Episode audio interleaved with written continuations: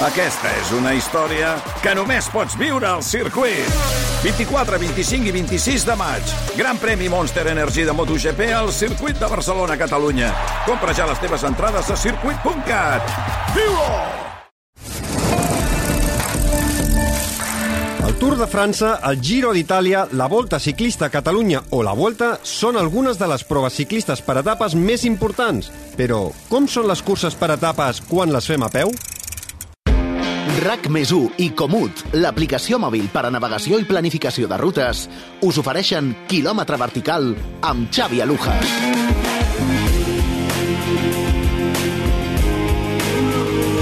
Benvingudes i benvinguts a Kilòmetre Vertical.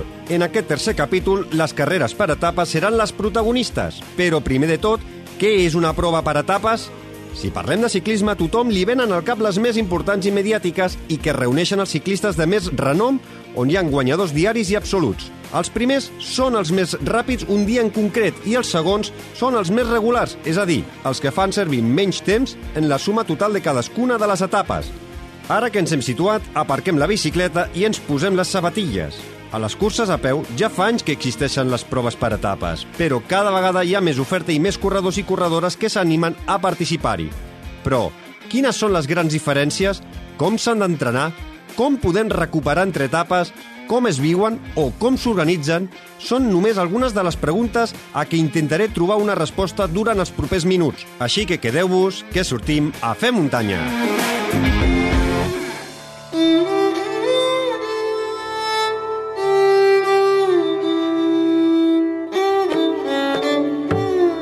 Per començar, vull saber com s'organitza una gran cursa per etapes com és, per exemple, l'Everest Trail Race, una prova on l'escenari principal és el Nepal, a la zona del Solokumbu.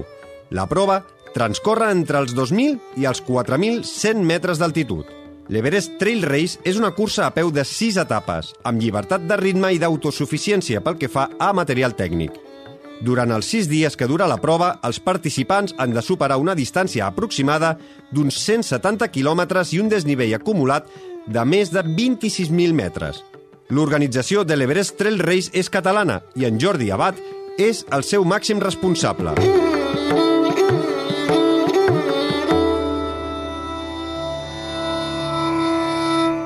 Jordi Abad, benvingut a Quilòmetre Vertical. Què tal, com estem? Jordi, a veure, per començar, eh, per organitzar la Everest Trail Race, quantes persones calen eh, treballant, què, què diríem, tot l'any? A veure, tot l'any tenim un equip petit de gent eh, que treballa durant tot l'any pel que fa inscripcions, llavors hi ha un altre equip de gent que treballa eh, treballant amb el traçat, això suposa un viatge d'uns 15-20 dies cada any, si no dos viatges, i durant la carrera tenim un equip total de 100 persones treballant per un gruix de 50 corredors. És a dir, el ràtio és dos persones d'organització per cada corredor. Clar, i quant de temps necessiteu per, per organitzar-vos, per anar tot l'equip cap allà? L'Everest Trail Race, una prova per etapes, eh, s'organitza igual que una cursa d'un dia que es podria fer aquí a Catalunya? No, no, no, no, ni molt menys. Catalunya té una cosa que no té l'Himàlaia, que són carreteres eh, el fet de que no hi hagin carreteres i que no podem utilitzar vehicles de rodes ens complica molt, molt, molt la vida tant des de la vessant d'esforç físic, perquè implica tot moure-ho a través de protegedors i tracció sang, com des de la vessant costos. És a dir, els costos venen fonamentalment determinats perquè disposem d'un helicòpter que el fem anar tot el dia amunt i avall. I a 1.500 dòlars l'hora, com us podeu imaginar, els costos són molt elevats. Vull dir, fonamentalment nosaltres fem tres viatges a Nepal. Un primer viatge de, de revisió del traçat, un segon viatge a on fem el marcatge i, i, i deixem la carrera preparada d'alguna manera perquè passin els corredors i aleshores el que és pròpiament la cursa. No? Eh, bàsicament hi ha aquestes tres fases. Tot el material que feu servir per organitzar l'Everest Trail Race eh, eh, el porteu d'aquí des, de, des de Catalunya o sigui és material eh, nepalès? Nosaltres des de Catalunya cada any portem al voltant de 600 quilos de material. Uh, però la resta de material està en dipòsits durant a tot l'ullat del traçat de 170 quilòmetres nosaltres paguem a gent dels pobles perquè ens facin de magatzem d'aquest material. Penseu que movem al voltant de de 200 tendes, eh, 200 matalassos, matalassos que són molt gruixuts a més a més perquè els corredors dormin còmodos, estem parlant de que hi han 12 persones de muntatge per campament, eh, 6 cuiners, eh, realment la moguda és important i, i no podria moure tot aquest material cada any. No? Per tant, tenim dipòsits en el traçat i aleshores sí que hi ha 600 quilos de material que es porten de Catalunya, que fonamentalment són ordinadors, impressores, eh, material de seguretat, eh, geolocalitzadors, eh, pancartes, portes de sortida, etc etc. Les etapes eh, no surten i acaben en el mateix poble, en el mateix punt. Eh, llavors, d'un dia a un altre, com traslladeu tot aquest eh, material, l'arc de, de, de sortida i d'arribada, tota la logística? Aquesta és l'eterna pregunta que fan els, els corredors i que els hi sorprèn molt quan veuen que el primer dia tenen un campament muntat i aleshores arriben a final d'etapa i el mateix campament idèntic està muntat i no entenen com podem traslladar tot aquell material doncs, en 3 hores i muntar-ho. No? Bé, doncs no, no és així. Nosaltres tenim els campaments multiplicats per 5, de tal manera que quan els corredors prenen la sortida el primer dia ja hi han 3 campaments muntats. És a dir, això ens obliga a tenir els equips triplicats, no? és a dir, els equips de carrera catalans estan duplicats, però els equips de muntatge estan triplicats. De tal manera de que quan el campament de la primera nit, eh, quan surten, ja s'està muntant el campament de la tercera etapa, perquè el de la segona i el de la primera també estan muntats. I el recorregut el, el marqueu amb cintes i, i llavors es marquen dies abans o es va marcant eh, el dia previ? No, aquest és un tema també de lo més eh, divertit. És a dir, el primer any, de, ho estem parlant de fa 12 anys enrere, se'ns va ocórrer seguir el mateix procediment que es fa a les curses a Europa, no? que és marcar amb cintes. Què ens va passar? Que sort tenim de que el recorregut es marca en tres ocasions abans que passin els corredors. Una setmana abans, eh, dos dies abans i els mm, trams conflictius es marquen el mateix dia anant amb 3-4 hores per davant dels corredors. Què ens va passar el primer any? Retorno aquest comentari, de que els nens del Nepal se'ns enduien les cintes. De tal manera que no ens va quedar més remei que començar a, a marcar el recorregut en pintura biodegradable. Per què? Doncs perquè almenys ens durava més si no plovia, no? Als corredors europeus els hi costa molt acostumar-se a les marques de pintura, perquè estan acostumats a marques de cinta. Però el gran problema que teníem és aquest, de que els nanos se'ns emporten les cintes. Aleshores, eh, no tenim més remei que passar tres vegades abans que passin els corredors i assegurar-nos que realment aquest marcatge és segur, perquè altres coses que passaven curioses, en aquest sentit estem fent un llibre que sortirà probablement l'any que ve, eh, és de que eh, ens teníem que acostumar a pintar en llocs fixes, perquè si pintàvem una pedra mòbil els hi fa molta gràcia moure les pedres amb colors. Uh, a partir d'aquí també tenim uns determinats problemes, no? Quin és el pressupost que necessiteu per organitzar la, la Verest eh, Trail Race? Uh, espera, que ara m'agafa la depressió immediata. Uh, L'Everest Trail Race és una cursa que uh, bàsicament ve finançada per als patrocinadors. És a dir, l'Everest Trail Race sense, sense patrocinadors seria inviable. Penseu que portar un equip, com és l'equip català, de 15 persones que marxen de, de Catalunya, de fet, en aquest equip hi ha britànics, hi ha madrilenys, hi ha gent... És una organització bastant multinacional, no? És a dir, només de costos de desplaçament de personal d'aquí ens anem cap als 50.000 euros. Uh, si conteu que una inscripció són 3.000 i, i escaig, Uh, i tenim 50 corredors, veureu ràpidament que els números no surten, no? que és també una mica el debat que hi ha dins de la carrera eh, ja dic, és viable per això, perquè els patrocinadors sustenten la carrera. Eh, però avui els costos són molt elevats. Els costos estem parlant de que la carrera ens pot costar al voltant de 100-150.000 euros cada any. Jordi, eh, tu personalment, eh, quan arriba el mes de novembre i has d'organitzar l'Everest Trail Race en les dates que, que toquen, quant de temps estàs fora de casa? Uh, mira, jo aquest any, per exemple, he viatjat quatre vegades a Nepal. He viatjat quatre vegades a Nepal perquè, a més a més, veníem d'una època de Covid uh, complicada. Mm, havíem de saber els magatzems de material com estaven.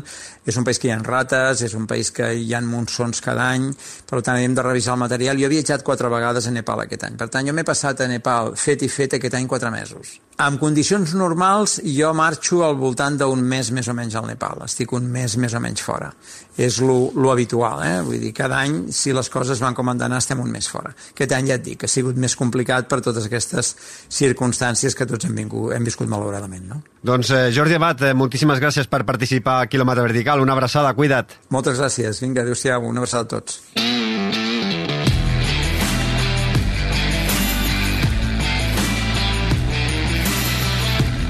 casa nostra hi ha molts corredors i corredores que són habituals en aquest tipus de proves i d'altres que s'hi han estrenat recentment. Tinc molta curiositat per saber què és el que més els crida l'atenció, com les entrenen, quin paper hi té l'estratègia, com és la vida social entre corredors o com recuperen entre etapes. Per això puc saludar el Gerard Morales, també conegut com a Blacky Morales, i la Georgina Gavarró. En Blacky té un gran palmarès en aquest tipus de proves, com un setè lloc a la Marató de Sables l'any 2022, o una segona posició a la mateixa Everest Trail Race de l'any 2019, però també ha participat a la Transalpine Run a Alemanya o a l'Ultrasanàbria Glaciar, per exemple. La Georgina és una gran corredora de casa nostra i, a més a més, també és entrenadora i ha aconseguit grans resultats en proves d'un sol dia. Aquest any 2022 s'ha estrenat en les proves per etapes a Madeira a la final de les Golden Trail World Series. Georgina Gavarró i Gerard Morales, benvinguts a Quilòmetre Vertical. Hola, moltes gràcies. Bones, gràcies. A veure, Gerard, tu que portes una mica més d'experiència, escolta, te'n recordes eh, quan vas fer la teva primera cursa per, per etapes i què és el que més et va cridar l'atenció? Doncs mira, sí, me'n recordo perfectament perquè quasi, quasi debutava amb tot això i portava molt poc temps amb el mundillo de, de les curses i recordo que vaig anar a Ultra Les Fonts, a Xerta, era una ultra que es feia de tres dies, superxula, divertida i molt ben organitzada. Vaig anar, el primer any era com una mica, bueno, l'aventura, a veure què es feia, no hi havia moltíssima gent, no era com ara que et trobes amb molta gent corrent a tot arreu, i, I la veritat és que ho vam passar molt bé. Va ser una cursa que vam començar fent una nocturna d'uns 23 quilòmetres. El dia següent matinàvem, fèiem una, una cursa de 50 i pico, i recordo que l'últim dia eren 27, que a més era, era campionat de les Terres de l'Ebre, es va juntar un munt de gent i sortien tots a, a pet i ens vam descol·locar una miqueta, però bueno, va ser una, una cursa super divertida i on em vaig iniciar una miqueta amb el mundillo aquest de les curses per etapes que, que és un món a part també. Mm, I tu, Georgina, t'has estrenat aquest any 2022 a Madeira. Eh, escolta, tu que portes eh, també molts anys corrent eh, curses d'un sol dia, quines són les, les principals diferències eh, amb una cursa per etapes com en aquest cas les Golden? Oh, doncs mira, la, la veritat és que hi anàvem una miqueta de, de por de veure com ens sortiria, perquè, com has dit, era la primera vegada. I bueno, al final és repetir el que fas un dia de cursa habitual durant 4 o 5 dies seguits, en aquest cas van ser 5, i bueno, jo tenia molt clar que aniria molt conservadora per provar una miqueta a, a veure com m'hi trobava. Gerard, eh, tu has fet eh, un, un munt d'ultres eh, de moltíssimes hores, la, la Ultra Trail del Mont Blanc, eh, i també doncs, eh, has fet eh, curses per etapes realment dures i, i exigents. Eh? A on ho, ho has passat tu personalment més malament, eh? I has arribat a la línia d'arribada més fet pols? A una UTMB, per exemple, o una Everest Trail Race, a una Marató de Sables, que el cos on pateix molt més? Ma, jo et diria que vaig acabar UTMB i, i sincerament allà sí que vaig acabar tocat, però vaig acabar més sencer perquè realment l'última part es podia córrer. És una cursa d'un dia tu saps que acabaràs i que no has de fer absolutament res més, pots descansar. En canvi, recordo, sobretot aquest any, a Marató de Sables, arribar, arribar a l'etapa, la non-stop, que van ser uns 82 quilòmetres o alguna així, i arribar totalment destrossat, no tenia absolutament res al cos, no vaig poder quasi ni menjar durant l'etapa.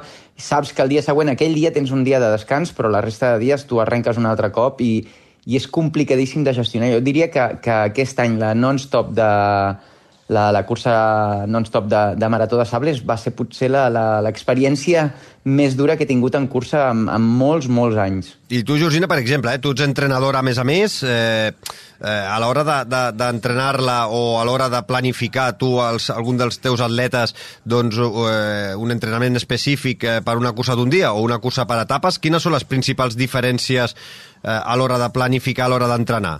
Bueno, el que sí que s'ha de tenir en compte és que aniràs fent un esforç màxim, perquè al final quan fem una cursa un dia fas un esforç màxim, però aquest l'has de repetir durant 3, 4, 5, 6 dies, per tant has de preparar una miqueta no? que estiguis acostumat a repetir un esforç intens un dia rere un altre i buscar sobretot les maneres de recuperar-te millor. Hi ha gent que necessiten dormir X hores, hi ha gent que necessiten uh, pues, posar electroestimulació, buscar una mica mètodes d'aquests que t'ajudin també a recuperar entre sessions i acostumar el cos a aquesta freqüència. Per exemple, Georgina, eh, ciclistes que també estan fets d'una altra pasta, eh, ells poden córrer o una carrera per etapes d'una setmana o de tres setmanes, com són les grans voltes.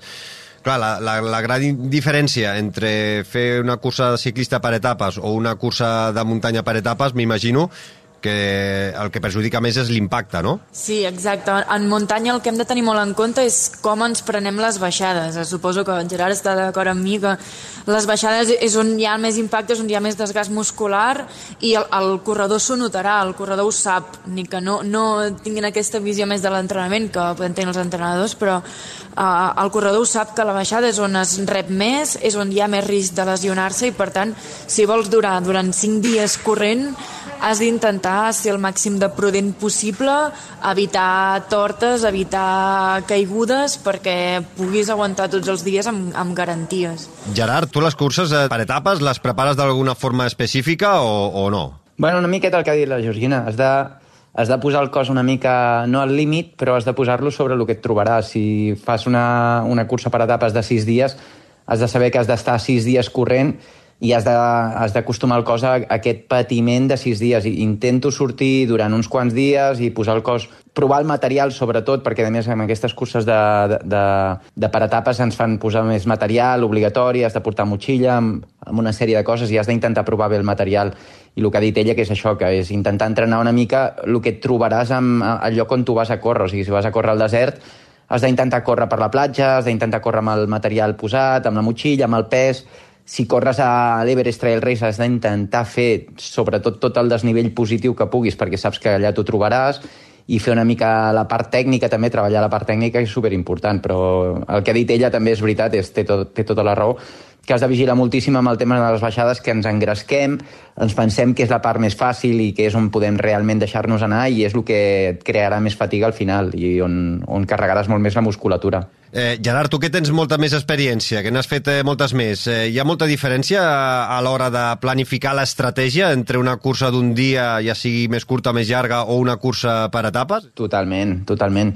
Tu, la cursa d'un dia és, és una miqueta surts amb, amb tot el que tu tens de, de principi a final. A veure, podem parlar d'una UTMB que són 170 quilòmetres que has de sortir guardant una miqueta per intentar arribar al final, perquè si tu deixes tot al principi ja saps que al final no, no et quedarà gaire res i possiblement no hi arribis és molt diferent una cursa d'aquestes que estan acostumats a fer la Georgina, unes Golden d'aquestes que poden ser 20, 30, 40 quilòmetres, no sé exactament la distància, però deu anar per aquí, que has de sortir amb el ganivet des del primer minut fins a l'últim. Allà sí que arribaràs que diràs, vale, no puc més. I en canvi amb les curses per etapes és això, és una mica l'estratègia. També saps que pots, pots aguantar una mica els dos, tres primers dies, eh, no anar al límit perquè potser et trobaràs millor cap al final i és on tu pots apretar, o intentes treure diferència el primer i segon dia i després la vas conservant. És una mica...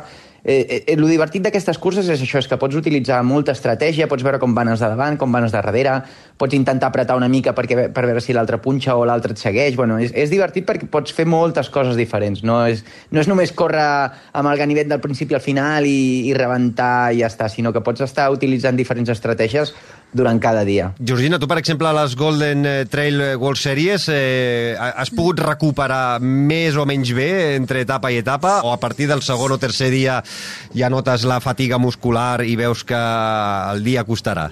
Jo la veritat és que em vaig sorprendre de com anava gestionant la recuperació, però el punt d'inflexió va ser el quart dia. El quart dia va ser un, on vaig notar, vale, això ara ja es comença a notar i haurem de, de tirar més de cap que de cos, que no, que diuen. Uh, el que sí que, el que deia abans el Gerard, les Golden són un, una distància molt curta, que per tant la gestió és molt diferent al tipus de curses que ell està més acostumat, que són més de distància. Aquí a les Golden eren distàncies entre 25 i 30 quilòmetres, excepte una que era econometrada de 6 quilòmetres, que va ser el tercer dia. I aquesta, aquesta era la, la gran dinamita, perquè 6 quilòmetres eh, econometrat que sorties per parelles, tipus un vertical, però un mm -hmm. recorregut més o menys pla aquesta va ser la, la, el gran detonant de, de tota la fatiga que més o menys anàvem controlant tots i el tercer dia allà tothom ho va donar tot i el quart es va notar molt que gairebé tots anàvem bastant tocats. Escolta, Gerard, i com es gestionen els mal dies? Perquè m'imagino que en una cursa de 6-7 dies eh, hi haurà algun dia en la qual eh, doncs, les cames no responen, saps que et queden per davant dos o tres etapes, que estàs eh, allà lluitant per un podi i, i, i veus que tens un mal dia. Bueno, en aquest sentit, eh, t'haig de dir que intento gestionar el millor que puc les curses i no he tingut mai un dia d'aquells que diguis, uah, quin dia més dolent, no, no tinc cames per seguir ni, ni, ni per continuar i m'haig autoenganyat enganyar a mi mateix per, per arribar a la línia d'arribada. Intento mantenir sempre una línia molt regular, no sóc, no sóc el típic tio que surt a, a explotar-ho tot el primer dia, intento mantenir una línia molt regular i, i, i més o menys m'ha funcionat fins ara. Sí que és veritat que pots tenir un dia que et costi una miqueta més, que les cases estiguin més fatigades del dia abans, no hagis recuperat bé i t'estigui costant una mica, però saps que... Jo sempre penso, eh, i és, és una manera molt particular, que, que si jo estic cansat, m'imagino que els que venen a darrere i els que estan a davant també ho deuen estar passant malament. Llavors és, és qüestió de seguir patint i, i seguir intentant no perdre massa temps perquè saps que el dia següent l'hauràs de recuperar o, o te l'hauran de recuperar. Llavors és, no sé, intentar arribar a la, a la línia d'arribada, marcar-te un objectiu que sigui eh, assequible en aquell moment i, i anar fent, i anar fent. Saps que tots ho estan passant una mica malament i, i és un... intentes que sigui un mal menor i perdre el mínim temps possible en el cas de que no estiguis tot l'ofic que t'agradaria. Georgina, quina importància té el component social? Perquè, clar, en una carrera per etapes eh, vas corrent sempre amb les mateixes corredores, els mateixos corredors, un dia rere un altre, rere un altre, és a dir, aquest component social eh, eh és, suposo, una de les grans diferències. Eh, t'agrada, no t'agrada? Manteniu algun grup de WhatsApp en el qual doncs, fas amistats que, amb gent que no coneixies i mantens aquesta, aquest, aquest feeling o no? Doncs mira, la veritat és que això és el que m'ha enganxat més. No? Si, si una cursa d'un sol dia a mi ja em té captivada, repetir-ho durant cinc dies, a, a mi això m'ha acabat d'enganxar del tot. Perquè al final entres en, en una mena de, de comunió entre tots, en allà Concretament a les Golden estàvem tots els corredors i corredores en el mateix hotel, uh, tenies un company d'habitació amb qui estàs corrent, uh, bueno, estàs tot el dia envoltat amb aquest ambient i suposo que la resta de curses més o menys passa un ambient similar i al final t'acabes creant un ambient de comunió i un, un bon rotllo entre tots que, no sé, a mi realment em va agradar moltíssim i després durant la cursa acabes creant un vincle d'amistat amb molta gent i sí que mantenim molt bona amistat, sobretot l'equip que vam venir des d'Espanya i Portugal, eh, hem fet molt, molt bona amistat i la conservem. Mm, I tu, Gerard, per exemple, de totes les curses que has fet, quina és la qual has fet més amistats, més bon rotllo entre, entre corredors? Perquè n'has fet unes quantes i, i d'importants. Bueno, amb diferència a Marató de Sables, i et diré que va ser el 2012. Aquest any, aquest any hi vam tornar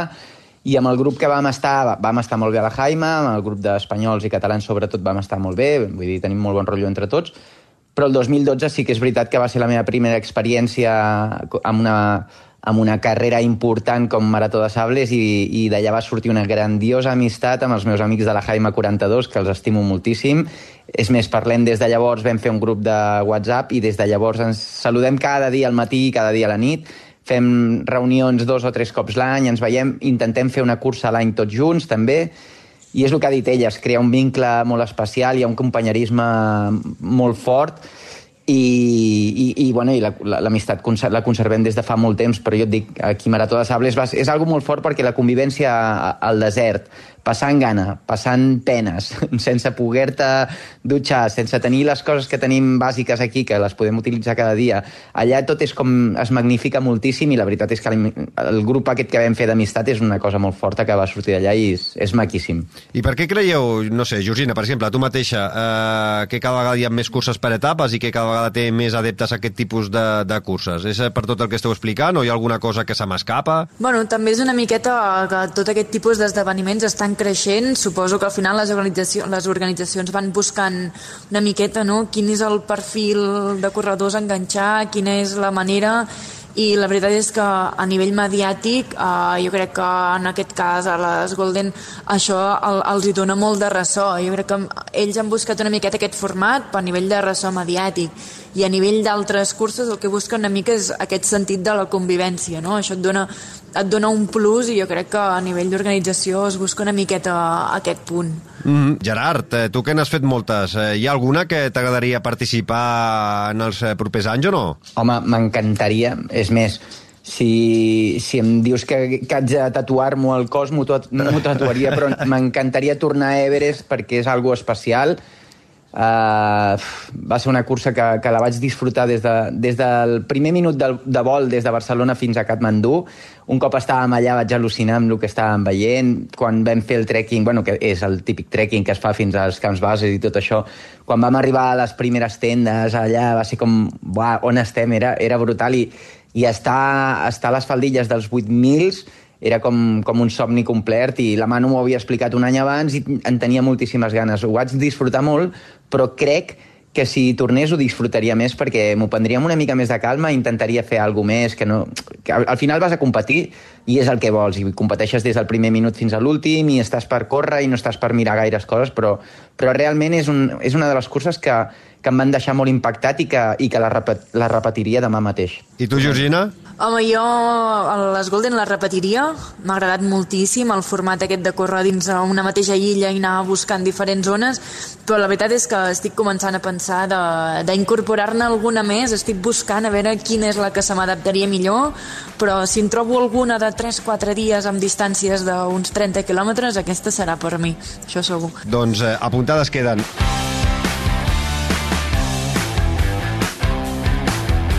Escolteu, eh, Georgina, Gerard, a Comú tenim un perfil eh, que el trobareu si busqueu Fem Muntanya i allà hem creat una col·lecció amb les rutes de tots els convidats que, que aneu passant pel podcast, així que us demanaria que m'expliquéssiu una ruta que us agrada molt per eh, entrenar i l'afegirem a Comut, el millor planificador i navegador de rutes. Georgina, Uh, digue'm una ruta per la qual eh, entrenes normalment i t'agrada molt. Doncs mira, jo ara que m'he mudat, estic vivint al Pirineu, a la zona francesa, uh, us donaria una ruta que surt des de Pirinès 2000, que és on visc ara, i se'n va fins al Roc de la Calma, que és un cimet que fa uns 2.200-2.300 metres aproximadament. És un recorregut molt, molt, molt, molt fàcil, es pot fer ara que ja, ja tenim neu, es pot fer tant amb esquí de travessa com es pot fer corrent com caminant. Uh, són pendents molt suaus i és un recorregut llarguet i més o menys ens quedaria uns 16-17 quilòmetres en total, per tant és assequible per tothom. Doncs afegirem aquesta ruta a Comut. I tu, Gerard, eh, alguna ruta que recomanis eh, per entrenar a prop de, de casa teva? Aviam, jo no tinc la sort de viure als Pirineus, visc a Mollà, és, és, és mitja muntanyeta, aquí no tenim gaire desnivell és molt difícil, però són rutes fàcils. Llavors jo sí que m'agrada molt anar cap a, cap a Ribes de Freser i tot això, hi ha una ruta que és la, el Camí dels Enginyers, que el vam fer amb la mano aquest estiu un parell de vegades, i encara que no em queda a prop de casa i haig d'anar és algo específic, us passaré aquesta perquè ho vaig passar molt bé, ens la va proposar la Marta Molist, la vam anar a fer, ho vam disfrutar moltíssim i és la ruta que us passaré perquè crec que val la pena. És una mica tècnica, la part des de Coma de Vaca fins a Núria és bastant tècnic, hi ha un tros complicat que s'ha de passar grimpant una miqueta, però crec que és per gent mig, que, que mig s'hi dediqui una miqueta, que li agradi tot això de la muntanya, s'ho passarà molt bé. Doncs afegirem aquestes eh, dues rutes, la de la Georgina i la del Gerard, eh, a la nostra col·lecció secció del quilòmetre vertical que podreu trobar en el perfil de Comut eh, si busqueu Fem Muntanya. Georgina Gavarró, moltíssimes gràcies per participar al podcast. Una abraçada i ens eh, veiem aviat. Cuida't. A vosaltres, moltes gràcies. Gerard Morales, com sempre, una abraçada i és un plaer xerrar amb tu. Cuida't, una abraçada. Igualment, Xavi, una abraçada. Adéu, Georgina. Si us animeu a fer alguna prova per etapes a casa nostra, tenim diverses opcions, com per exemple la Costa Brava Stage Run o la Pirinès Stage Run. A Espanya teniu les consolidades Ultra Sanàbria, la 3 dies Trail Ibiza o la Riaño Trail Run i fora de les nostres fronteres hi ha proves tan mediàtiques com la Maratón de Sables, la Pierramenta ET o la mateixa Everest Trail Race, per exemple. En qualsevol d'elles gaudireu d'una experiència única, dura i amb un component social ben diferent de les curses d'un sol dia. El que queda clar és que si no aneu a guanyar, sinó a gaudir del fet de córrer en paratges únics i desconeguts, en una prova per etapes, les emocions es magnifiquen i tornareu a casa amb la sensació d'haver gaudit molt en molt poc temps. Això sí, caldrà preparar-les amb consciència perquè aquí ningú regala res i penseu que segons la prova que vulgueu, caldrà fer guardiola prèviament. Quilòmetre Vertical tornarà d'aquí a dues setmanes amb més històries relacionades amb la muntanya. Si us heu quedat amb ganes de més aventures, us recomano que escolteu el podcast del Fem Muntanya que trobareu a qualsevol plataforma de podcast. Fins llavors, gaudiu i sigueu feliços, amb salut seny i, sobretot, molta muntanya. RAC més i Comut, l'aplicació mòbil per a navegació i planificació de rutes, us han ofert quilòmetre vertical amb Xavi Alujas.